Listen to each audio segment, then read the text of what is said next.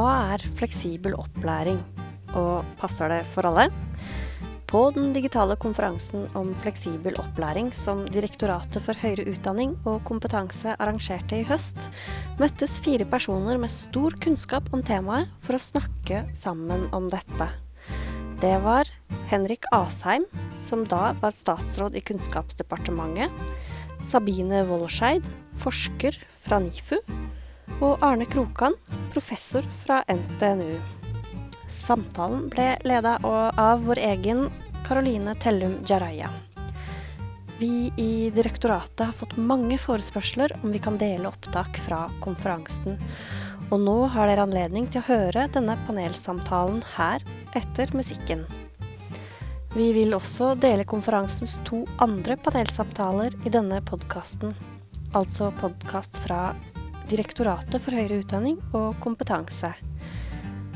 Disse panelsamtalene tok for seg personvern i undervisning, opplæring og veiledning, og hybridundervisning.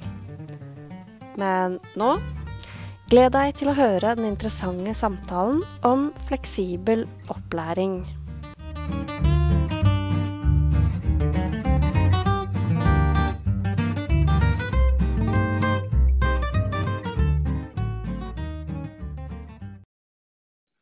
Navn er Caroline Tellum Jaraya, seksjonsleder for fleksibel læring i HK-DIR.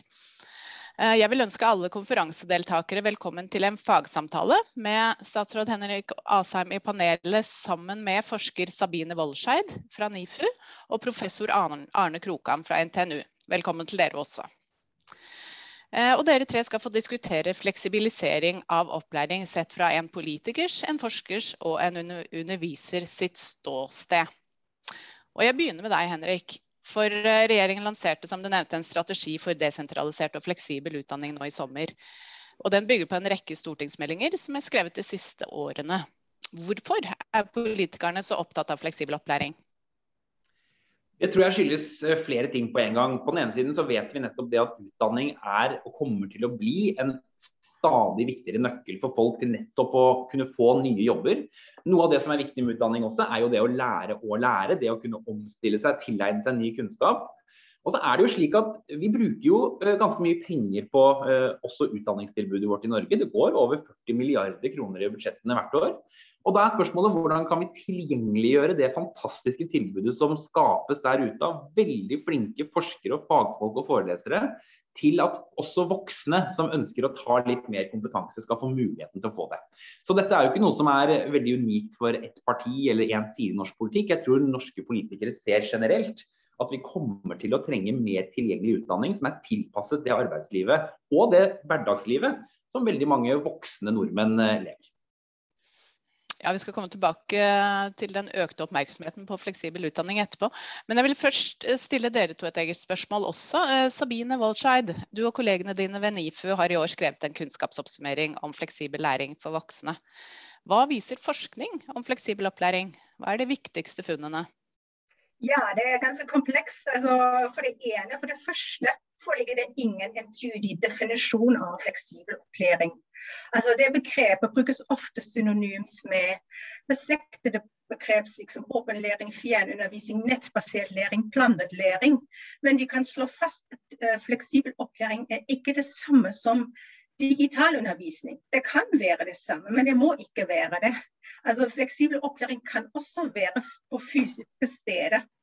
Men samtidig har vi sett at det er to sentrale aspekter som kjenner fleksibilitet i opplæring og dens forskning, det er individuell valgfrihet på ulike dimensjoner, f.eks. tid, sted, eh, vurdering og andre dimensjoner, eh, som ble presentert i dag tidligere. Og å gjøre nettopp tilpasninger, som eh, statsråden var inne i, langs én eller flere dimensjoner. F.eks. siden selve populasjonen kan være veldig heterogene. Men samtidig ser vi at det er mye forskning på nettopp de dimensjoner som tid, sted og innhold. Og mindre på andre dimensjoner, nemlig vurdering, formalisering, tilrettelegging og lærerens rolle. Fordi læreren forsvinner ikke i fleksibel opplæring. Den rollen blir bare annerledes. Uh, og samtidig uh, peker også forskning på at fleksibel opplæring har betydning for læring, men samtidig forutsetter det selvregulering. Altså Her er vi inne i dette å lære og lære. Um. Mm.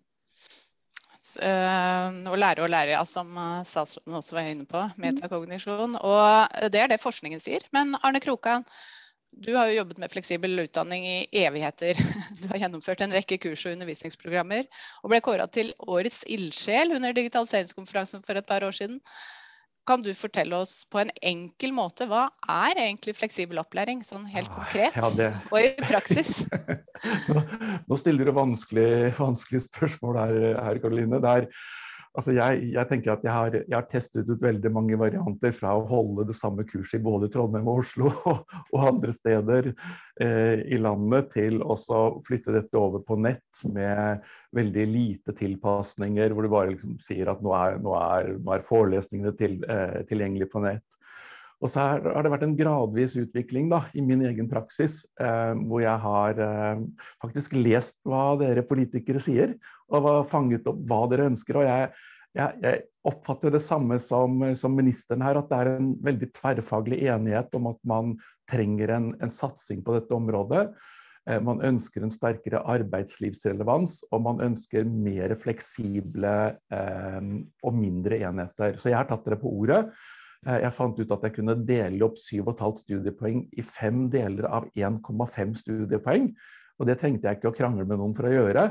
Eh, så, så, så om jeg modulariserer mitt 7,5 studiepoeng, så, så, tenker jeg det er liksom min sak som fagansvarlig. Så det har jeg gjort. Og så har jeg gjort fire enheter av dem åpne og gratis tilgjengelig på nett eh, gjennom et system som som Unit tilbyr, som bygger på Open edX. Eh, den plattformen som kalles Digit på, på NTNU, og som, som, eh, jeg håper at vi kan snakke litt mer om. Så at vi får en infrastruktur for å kunne tilby dette på, på gode måter. Og så har vi lagd eh, digitale læringsløyper. da, som gjør at du har små videoer, du har små introduksjoner, du har tekster som er brukket opp sånn at det er lett å lese dem på et nettbrett, på en mobil. Hvis du sitter på jobben eller hjemme på en stor skjerm, så kan du fortsette der du var på den store skjermen når du kommer på bussen eller, eller et annet, annet sted. Da. Så jeg, jeg, har begynt å kalle mine ting for ultrafleksibel opplæring. For å skille det mot dette som Sabine var inne på her. altså at man eh, egentlig bare setter opp en klasse til, eller at du gjør noe som egentlig er veldig tradisjonelt, da, men litt mer fleksibelt eh, enn det andre. Så, så jeg håper at vi kan eh, at vi kan få mer støtte da, til å utvikle både en infrastruktur både for å uh, skape kursene og også for å tilby dem. Uh, jeg tenker at dette er kanskje en av de viktigste veiene vi kan gå for å faktisk å oppfylle det som er politikernes visjon da, om tilgjengelig utdanning for alle. Uh, Sabine, nå er det sånn, altså Viser forskningen at praksis er slik Arne forteller om ultrafleksible opplegg. Er, han forteller hvordan han jobber med fleksibel opplæring. Er det slik det er, uh, Sabine? Og så skal uh, Henrik få ordet etterpå. Ja, takk. Um, ja, det er i alle fall elementer. Altså, vi har jo oppsummert internasjonal forskning. ikke sant? Og uh, Det gjelder også da ulike kontekster. Men det som Arne nettopp sier, er dette med innovativ bruk av kommunikasjonsverktøy. Sette studenter sammen på tvers av store avstander. Og um, tilpasse, det var også et uh, som jeg uh, oppfatter det, altså tilpasning til studentgrupper. Um, altså hvis det er nett, også nettbasert utdanning, å gjøre det tilgjengelig for alle studentgrupper i Norge, uh, uavhengig av nettopp bosted, livssituasjon og behov så er dette jo veldig, altså veldig bra. Um, og Samtidig må vi også ha i mente, som også vår kunnskapsoversikt viser, at studentgruppene er veldig heterogene. Noen har på en måte en annen livssituasjon enn andre. Vi har studenter som kommer rett fra videregående, som bor på, camp, uh, på campus. Mens vi har studentgrupper som allerede er fullt etablert og skal begynne med et nytt studium. Og de har jo da ulike behov. Og Det kommer også frem eh, i studiene, som retter seg mot ulike studentgrupper. Henrik, ville du si noe til Arne? det han fortalte? Ja, eh, egentlig tenkte jeg å kommentere litt på det som både Sabine og Arne har tatt opp. Eh, for det første så synes jeg at Sabine har en veldig veldig viktig presisering som man bare ikke kan få sagt nok. og det er at Fleksibel utdanning er ikke det samme som å få forelesningen din på Zoom. Eh, for det er litt sånn som eh, Når jeg har snakket om dette under og etter pandemien, så ser jeg at folk blir litt sånn store i øynene. og ja, fordi de blir litt redde for at det de tror, er at politikerne nå oppdager at dette var utrolig effektivt. At nå kan vi bare ha forelesninger for masse mennesker. Det er det selvfølgelig ikke. Det er en annen type pedagogikk som kanskje faktisk krever enda mer av institusjonene enn det å samle studentene fysisk på, på campus uh, for heltidsstudentene. Det andre er jo nettopp det som Arne tar opp med finansiering. For dette er en av de tingene som, som jeg også syns som politiker at er litt vanskelig. På den ene siden så har vi jo denne typen søknadsbaserte ordninger som HK-direktoratet også nå står for, som tidligere Diku gjorde. Eh, som, som, skaper en fleksibilitet som gjør at man ganske raskt kaster seg rundt for opp nye tilbud etter hvert som arbeidslivet etterspør det. På den andre siden så skaper jo det mindre forutsigbarhet for f.eks. å bygge opp de fagmiljøene man trenger for å kunne tilby nettopp den gode pedagogikken og måten å undervise på. Og dette er jo grunnen til at Når vi har satt ned et utvalg som skal gjennomgå finansieringssystemet av høyere utdanning, så har vi jo pekt på i mandatet nettopp dette med eh, å tilgjengeliggjøre utdanning for flere, fleksible utdanninger, og at det er mer koblet til arbeidslivets behov for voksne f.eks. Altså at det blir en større forutsigbarhet i finansieringen. Eh, så, så er det jo uh, utvistelig slik at jeg kommer ikke til å være her når det utvalget er ferdig. Men jeg kommer til å følge med fra et annet sted. Men uansett så håper jeg at den nye regjeringen som kommer, også tar det med seg videre. Nemlig at vi trenger både fleksibilitet i systemet, men også en større forutsigbarhet i finansieringen, som gjør at institusjonene kan bygge opp de fagmiljøene vi trenger for fleksible og desentraliserte utdanninger. Henrik, I dag tidlig så var du også i NRK og svarte på kritikk fra fagskolestudentene om at de syntes de hadde fått for dårlig undervisning i koronatiden, basert på en undersøkelse som NOKUT hadde gjort tror jeg, for KD. Eh, og nå er det jo delt ut mye penger eh, både til omstilling for permitterte og arbeidsledige og videreutdanninger de siste årene, som du nevnte. Representanten for fagskolestudentene var ikke så opptatt av penger, eh, men av undervisernes profesjonsfaglige digitale kompetanse. Og du svarte jo ganske godt på den kritikken, så du kan kanskje gjenta det her også. Er det ikke slik at førstegangsstudenter, enten de er 19 år eller tar en grad i godt voksen alder, også er målgrupper for fleksibel utdanning. Det er også en i chatten her som eh, kommer fra fagskole, og som sier at fagskolen har jo ikke tilgang til de plattformene som Arne Krokan beskriver. Mm. Jo, altså uh, På den ene siden så mener jeg uh, faktisk at fagskolene var ganske godt rustet tross alt når det kommer en pandemi. Fordi de er jo utdanningsinstitusjoner som i større grad har rettet seg inn også mot både fleksible og digitale undervisningsmetoder. Så de hadde jo mye av den infrastrukturen på plass så er det utvilsomt slik at når det plutselig kommer en pandemi, så blir undervisningen dårligere. Eh, det er ikke noen skyld, annet enn et virus. Eh, og det gjør at, at mange også opplevet at kanskje den digitale kompetansen på en del av utdanningene ikke har vært god nok. Men det er jo, Vi må ikke blande det, altså en slags sjokkdigitalisering med fleksible utdanningstilbud. Det er derfor jeg er så opptatt av nettopp å ha de rammene for institusjonene til å forutsigbart kunne bygge opp fagmiljøene på de gruppene av mennesker som jobber med pedagogikken, med måtene man legger opp dette på. Når vi jobbet med strategien for fleksibel og desentralisert utdanning, så hadde vi jo møter med, altså regionale møter med både arbeidstakere, arbeidsgivere eh, og det offentlige rundt om i hele landet. Og jeg fikk møte studenter, voksne studenter rundt om i hele landet som på ulike måter brukte fleksible utdanningstilbud. Eh, og som illustrerte på en god måte at det er, ikke, det er veldig vanskelig å, som flere har vært inne på, å definere akkurat hva er fleksibel utdanning. Men det handler i realiteten om å få den utdanningen man har hatt lyst på lenge på plass, samtidig som man klarer å kombinere det med noe annet. Men det betyr helt annen forventning både til kompetansen til de som skal undervise, og infrastrukturen som må være på.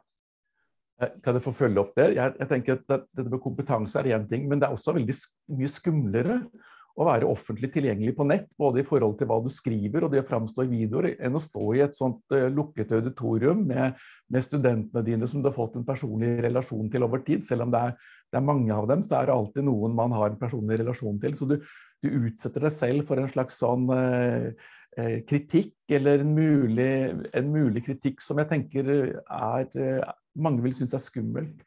Og så tenker jeg en ting til, og det er at uh, Når vi skal skape disse endringene, så vet vi jo det at uh, hvis det er én eller to i en bedrift som drar av gårde på kurs, og så kommer de tilbake igjen, og så går det noen dager, og så er man, er man tilbake i samme tralten igjen. Så et av de prosjektene som vi faktisk på, på NTNU på Gjøvik har fått, uh, fått, midler til å gjennomføre av HKD-er, det er for finanssektoren. Digital transformasjon for finanssektoren. Og Der har vi utvikla søknaden sammen med fagforeningen, som er Finansforbundet, og Finans Norge, som er arbeidsgiverforeningen. Altså det er 32 000 medlemmer i fagforeningene, det er over 250 bedrifter. Og så jobber vi sammen. Og så stopper vi ikke der. Er, hver av disse virksomhetene har koblet på en 10% lederressurs som både er med og utvikler og gjennomfører det hele. Og da snakker vi om at det er flere hundre deltakere fra sektoren som kommer til å være gjennom dette her, fordi grensekostnaden på å legge til en student er liten. Eh, for vi trenger ikke ha større auditorier. ikke sant? Ekstrakostnadene der opptak og sensur eh, og, og kanskje litt coaching, coaching underveis. Men, men, jeg ønsker meg mer sånne, kall det litt spesielle bestillinger, da. Altså hvor, hvor, man kan tenke seg en bransje eller en næring eh, hvor man ser på dette som vi har nå vært så frekke å kalle for den norske samarbeidsmodellen 2.0. Eh, altså det er arbeidsgiver, arbeidstaker og akademia. Eh, så gjør vi dette sammen. Fordi hvis, hvis det skal være opp til, eh, til oss som sitter på kunnskap som vi tenker er relevant, og så skal vi lage det, og så skal vi bare tilby det til uh, åpent eller, eller lukket, skudd å si, så er det fort gjort at vi bommer litt på det som er behovet. Det er det ene tingen. Og det andre tingen det er jo at uh, hvis arbeidsgiver og arbeidstakerorganisasjonen kan være enige om en situasjonsbeskrivelse, så har man lagt grunn for, for, veldig gode endringsprosesser i de virksomhetene som går inn i dette. her. Så jeg tenker at det, det, fleksible det må på en måte kontekstualiseres på en måte som gjør at, at vi sikrer at det får større gjennomslagskraft. Da. At nytten av det i de bedriftene som, går inn, eh, som vi går inn i, er større. Og så er det også en ting med måten vi blir målt på. Vi blir som oftest målt på om vi har brukt opp pengene.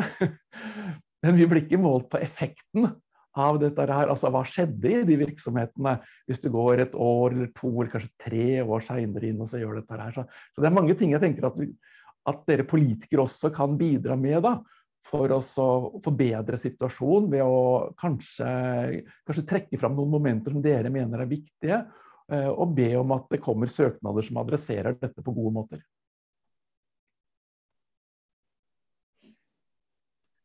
Noen andre som har lyst til å kommentere det? Hvis ikke så har det kommet også et nytt spørsmål i eh, chatten her. Ja, Henrik?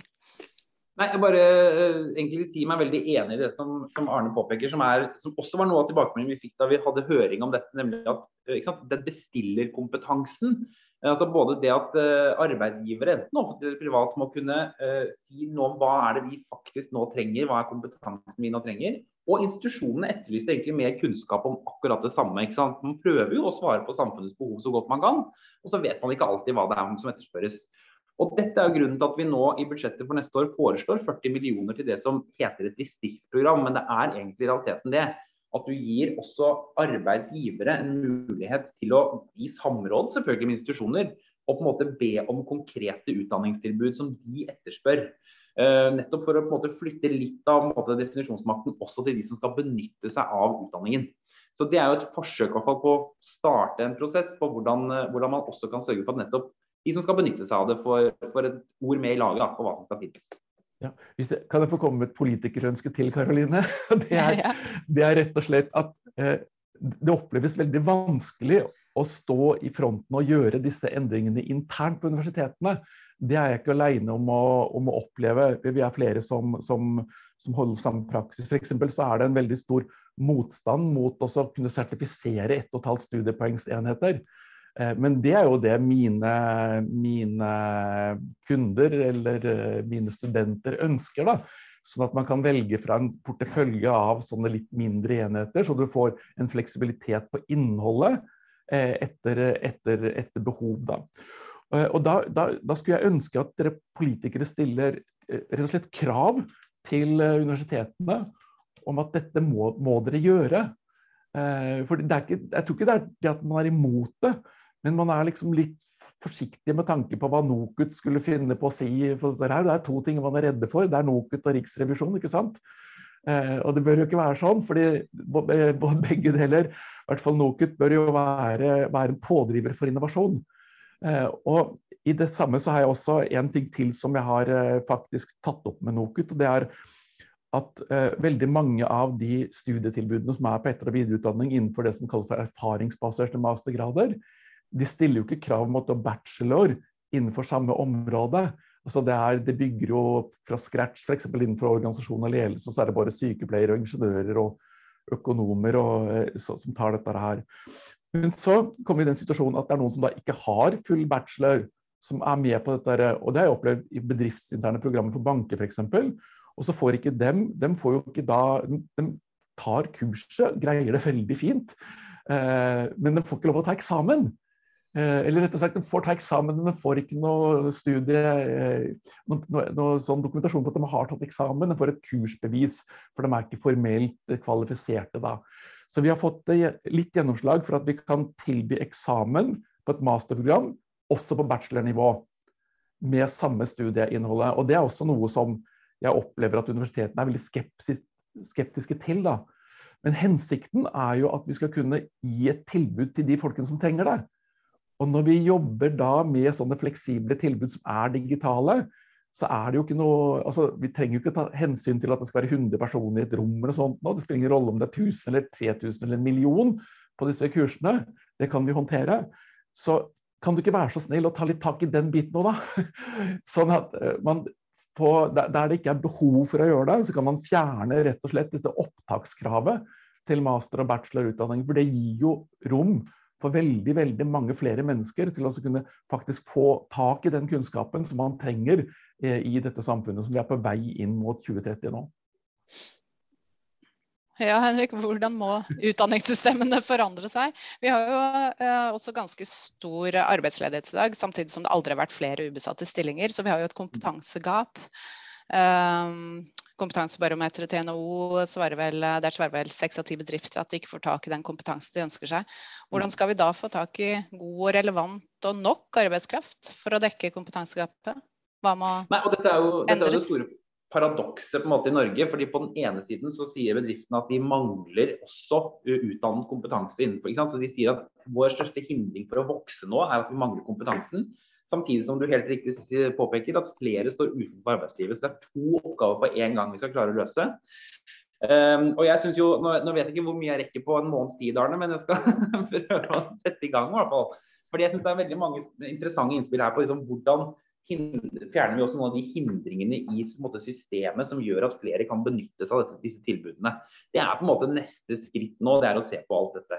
Så forstår jeg at det kan være krevende inne på en institusjon og får liksom, gehør for alle mulige ting og kontrollsystemer og alt mulig som skal, skal uh, matches. Det er jo vanskeligere for meg som politiker å svare på, rett og slett. Fordi eh, jeg har jo også hatt gleden av å være statsråd for denne sektoren i nesten et år og ti måneder nå. Eh, og Det er ikke sånn overvettes populært hvis jeg går inn og skal mene veldig mye i detalj om hvordan man skal organisere seg på institusjonene. Så jeg tror man må finne en balanse der som gjør at man har insentiver, at du har et finansieringssystem som henger sammen med de målene vi som politikere hele tiden setter. For i dag er jo finansieringssystemet på en måte litt i motsetning til det som vi samtidig etterspør, nemlig kortere kurs og sånn. Og så har vi et finansieringssystem som belønner veldig hele grader og fullføring og sånn. Så, så, Det er derfor vi har satt ned de som skal, skal jobbe med det. Men, men uh, både de innspillene som handler om hvordan man skal komme inn, hvilke eksamen man skal kunne avlegge, de er veldig, uh, skal vi absolutt ta med oss. Jeg har noen uker igjen. Og det andre er at jeg tror noe av det viktigste vi som politikere kan gjøre, uansett hvilken posisjon vi er i, det er jo å snakke om hvorfor dette er så viktig. For jeg opplever jo egentlig at UH-sektoren i det store har stadig blitt mer og mer åpne for etter- og videreutdanning, fleksibel utdanningstilbud det de kanskje var tidligere. Fordi man ser at dette er et behov som samfunnet har. og Denne sektoren er jo preget av også et ønske om å svare på de utfordringene som samfunnet Her fikk jeg uh, et spørsmål til det. Uh, til Henrik. Veldig mange av de ubesatte stillingene i dag er mer praktiske yrker. Hva tenker statsråden om, om fleksibel opplæring i denne type yrker? Det er jo også helt riktig, og det er jo der egentlig fagskolesektoren også kommer veldig klart inn. Fagskolene eh, er jo rigget og tilpasset nettopp det å kunne ganske raskt kaste seg rundt og tilby mer på en måte, videreutdanning innenfor yrkesfaglige linjer. Så jeg mener jo at de gjør en veldig god jobb. Der har vi jo økt kapasiteten ganske mye. Men også der har vi jo lagt frem en strategi for høyere yrkesfaglig utdanning, som nettopp handler om både det å se på hvordan tildeler vi studieplasser. Det kan nok være en viss mismatch på hvor veksten i studieplassene kommer, kontra hva arbeidslivet etterspør av studieplasser. Det er lange ventelister på noen, og så mye ledige plasser på andre. Så det å uh, finne en bedre måte å dimensjonere det på, det peker vi på i strategien. Og det andre er at noen av de større fagskolene bør kunne bli selvakkrediterende. altså Det gjør det også lettere for dem å kunne tilpasse tilbudene til det som, som uh, etterspørres fra studentene. Eh, men, men, fagskolene er et veldig godt supplement til det, alt det andre utdanningstilbudet vi har, fordi det nettopp kan tilby kortere, mer tilpasset undervisning for, for yrkesfaglige linjer. Mm. Vi har også fått et um, spørsmål til deg, Arne. Uh, skal vi se. Det er um, Skal vi se, skal vi se. går det an å bli så fleksibel at mening og helhet forsvinner? lurer Arild Råheim på. Ja, eh, vet du hva? Jeg har skrevet en artikkel om fremtidens læring sammen med Henrik Syse. Og Der går vi tilbake til de gamle grekere eh, og ser på hva, hva dette handler om. Så jeg tenker at Problemet er ikke om det er digitalt eller ikke, problemet er hvordan vi adresserer det. Hvordan vi involverer studentene, hvordan vi greier å, å gjøre det. Og Det er jo den vanskelige tingen som jeg ønsker vi kunne ha bruke mer ressurser på å finne ut hvordan vi skaper de gode dialogene. F.eks. jeg hadde et kurs nå med 150 bachelorstudenter i vår. Eh, et, en tredjedel av dem syns dette er skummelt. å være, bare være, de, vil ikke, de vil ikke være med på, på, nett, og de dukker heller ikke opp i auditoriene. Eh, og av dem som er på nett, så er det av 150 så er det kanskje 15-20 som tør å ha på kamera. De andre tør ikke, tør ikke ha det på. Eh, og hvis vi vil bruke breakout rooms, så forsvinner, forsvinner halvparten, for de syns det er skummelt. Så, så, vi trenger, altså Det er ikke bare vi som sitter på denne siden av kameraet som trenger å lære dette her, men også studentene våre trenger å, å lære å opptre i, i dette, disse digitale rommene. Eh, og da tenker jeg at det å jobbe med gode prosesser hvor vi reflekterer, hvor vi diskuterer hva er konsekvensen av de endringene vi, vi ser, og det handler selvfølgelig ikke bare om diskusjoner. Jeg bruker blogger i, i, hos studentene mine. Jeg plager dem. De må skrive to blogginnlegg hver uke. Eh, og får, trusselen er at hvis de leverer for seint, så kan de få nedsatt karakter. Men hvis de skriver, leverer tre gode blogginnlegg i mappa si, så kan de få én karakter bedre eh, enn det de leverer til eksamen. Så det er både ris og, ris og ros. Så det å jobbe med digitale læringsdesign jeg synes det er et veldig mye bedre ord enn pedagogikk eller undervisning. Altså Digitale læringsdesign tenker jeg er eh, det, er, det er en veldig viktig oppgave, og det er kanskje en undervurdert oppgave. For det blir fort mye, mye snakk om digitale forelesninger, som Henrik eh, refererte til her. Og jeg, jeg tenker at det er en veldig dårlig erstatning for å ha et auditorium. Altså, vi må rett og slett redesigne læreprosesser på gode måter. og Da er det rom for dette som Arild eh, kanskje er bekymret for her. da, At vi, kan, eh, at vi greier å få inn det. Men, men det, krever, det, det, ikke, det, krever, ikke, bare at vi er flinke, men det krever også at studentene faktisk eh, er villige til å gå inn i en, i en sånn måte å jobbe på. da. Sabine, vil du også følge opp det litt? Kan det bli for fritt noen ganger? Altså, hvordan skal man sørge for en god balanse mellom en fastsatt struktur og fleksibilitet? Ja, det er nettopp Forskning viser at det må være en balanse på den ene siden. altså Tilrettelegging og veiledning av studenter. Altså, det betyr også at læreren blir ikke borte, som også Arne var inne i. Eh, og samtidig også krever det evne til selvregulering. Men når vi tenker på tradisjonelle studier, krever også dette evne til selvregulering. Kanskje den eh, type selvregulering må være rette seg litt annerledes. Men um, de studentene som uansett dukker opp i auditoriet, vil sikkert også dukke opp i et uh, digital forelesningssal.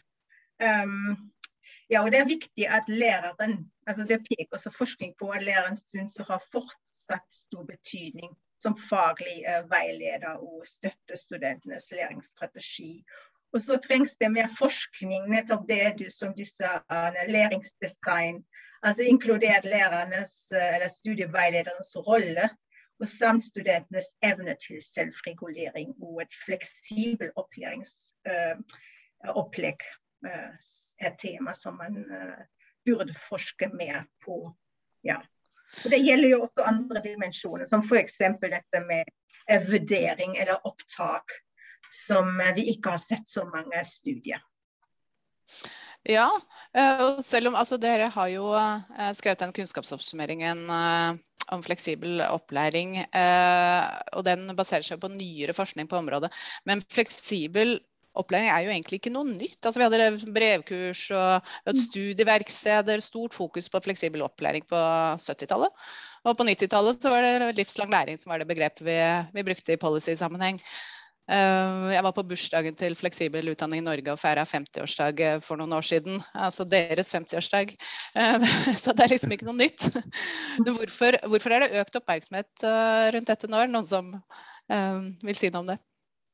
Jeg kan godt si noe om det. og det er jo fordi at vi har, altså, vi har gått fra en situasjon der det var bøker og forelesninger som var de viktigste ressursene eh, for læring. altså Det som var grunnlaget for læring.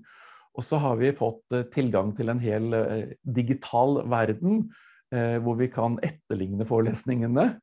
Hvor vi kan bruke tekster, vi kan bruke multimediedokumenter. Vi lenker inn forskjellige typer ressurser. Så Det gjør at vi, vi har et et helt annet spekter av elementer eh, for læring å spille på. Eh, og så har vi ikke lært oss å bruke det ordentlig, fordi det er, veld, det er så veldig mange som tenker at jo, det handler om digitale forelesninger. Eh, og så blir det kanskje en powerpoint med sånn talking head på, som jeg tenker er en veldig dårlig løsning. da. Så, så, her jeg sitter, eksempel, Jeg har jo investert i et studio hjemme. Jeg sitter, jeg har en grønnskjerm bak meg, jeg har LED-lys foran meg, jeg er profesjonell lys og, og lyd og miksebord, så jeg kan kjøre fire kilder inn i dette her. Så klart, Det er veldig stor forskjell for mine studenter å få meg sånn i, i nærbildet inn i skjermen sin, enten de ligger i senga eller de ser på, på en større skjerm, enn å ha en sånn talking head. Og, og Derfor så tror jeg at eh, altså, fleksibel utdanning, eh, det, det, er noe annet. Rett og slett noe helt annet. Eh, så jeg, jeg, slår et slag for dette ultrafleksibel utdanning. da, på, eller ultrafleksibel læring, eh, for å illustrere forskjellen. Men um, eh, hvorfor er det ikke sånn at alle kurstilbud er fleksible i dag? Altså, er det noen ulemper eller hindringer for å tilby fleksible, opplæringsløsninger? Eller hvordan skal opplæringsinstitusjoner kunne gi fleksibel opplæring? Er det, hva er det som hindrer det? Jeg, kan svare litt på det også, fordi det, er noe som heter opphavsrett. Og når jeg legger alle tekstene, når jeg lager tekster det er, det er kanskje 500 sider med tekst da, på et kurs på, eller på et emne på 7,5 studiepoeng, pluss oppgaver, mange videoer. Så det er en, det er en, Du skal på en måte følge det som er normert arbeidsmengde for dette her. Men da må du enten skrive de tekstene, lage de videoene, eller så må du ha, skrevet det i en annen sammenheng og ha opphavsrett til å bruke det.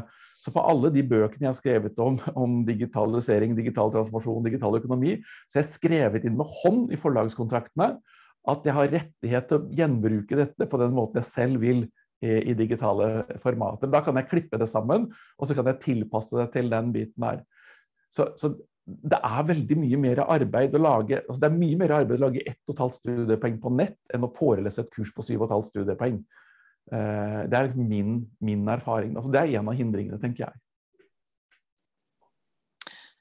Er det noen andre som vil si noe på det? Hvis ikke så strømmer det inn i chatten her. skjønner du. Um, burde, ikke, burde, ikke, fleksibel opplæring i større grad viske ut skottene mellom universitet, høyskole og høyere yrkesfaglig utdanning? Hva sier du, Henrik? ja, nei, altså det, det, er jeg nok mer skeptisk til. og Det er også fordi noe av det som jeg er eh, redd for når det gjelder fagskolene, det er hvis vi blir så opptatt av å nettopp viske ut de skillene at vi om ti år så begynner politikerne å snakke om at nå må vi lage fagskoler. Eh, fordi fagskolene har blitt noe annet. og det er samme at Universitetene og høyskolene våre er jo også altså husk på det, det er jo også veldig viktige akademiske institusjoner som driver både med forskning og med utdanning. Eh, de har veldig mange heltidsstudenter. Det er jo den absolutt største gruppen som går og studerer der. Så jeg tror ikke vi bare skal liksom si at alt bare flyter. det som egentlig det handler om, det er å gjøre all den fantastiske kunnskapen som er tilgjengelig for de som er innrullerte studenter her, tilgjengelig for flere. Uh, og Det er det som, som, er noe av målet, å tilpasse utdanningen og metodene man bruker til, til, nettopp det livet de lever. Og Det andre er jo at noe av det som akademia også har en veldig viktig rolle i fremover, det er jo at nå kan man jo sitte hjemme på PC-en sin, litt som Arne var inne på, lese nesten hva du vil, hvor du vil. Det betyr også at man kan lese veldig mye gal informasjon uh, rundt omkring. Så det å lære å tenke kritisk, det å være kildekritisk, alle disse tingene er også en veldig viktig del. Så det må ikke bli sånn at man tror at utdanning nå bare skal være sånn rullebånd inn i arbeidslivet med, med ferdig utdannede arbeidstakere. Det er også en veldig viktig dannelse i det å ta utdanning som, som vi må ta vare på. Men, jeg tenker at det er en annen innfallsvinkel til det også. og det er at Hvis du tenker at høyere utdanning er mye mer kunnskapsretta, mens fagskolen er mye mer praksisretta. Altså og da kunne man tenke seg at, at det er en lenke mellom de to. F.eks. jeg har et sånt emne som heter digital transformasjon og bærekraft. og Det handler i hovedsak om hvorfor vi må gjøre endringer, og noen analyser hva er konsekvensen av de mulige endringene. Men det forteller jo ikke hvordan en bedrift skal jobbe med bærekraft. Men det jobber Digital Norway med. De jobber med veivisere ikke sant? Som, er, som forteller hvordan du en liten bedrift skal, kan jobbe med dette. her. Og Da kan jeg lenke til det fra mitt opplegg.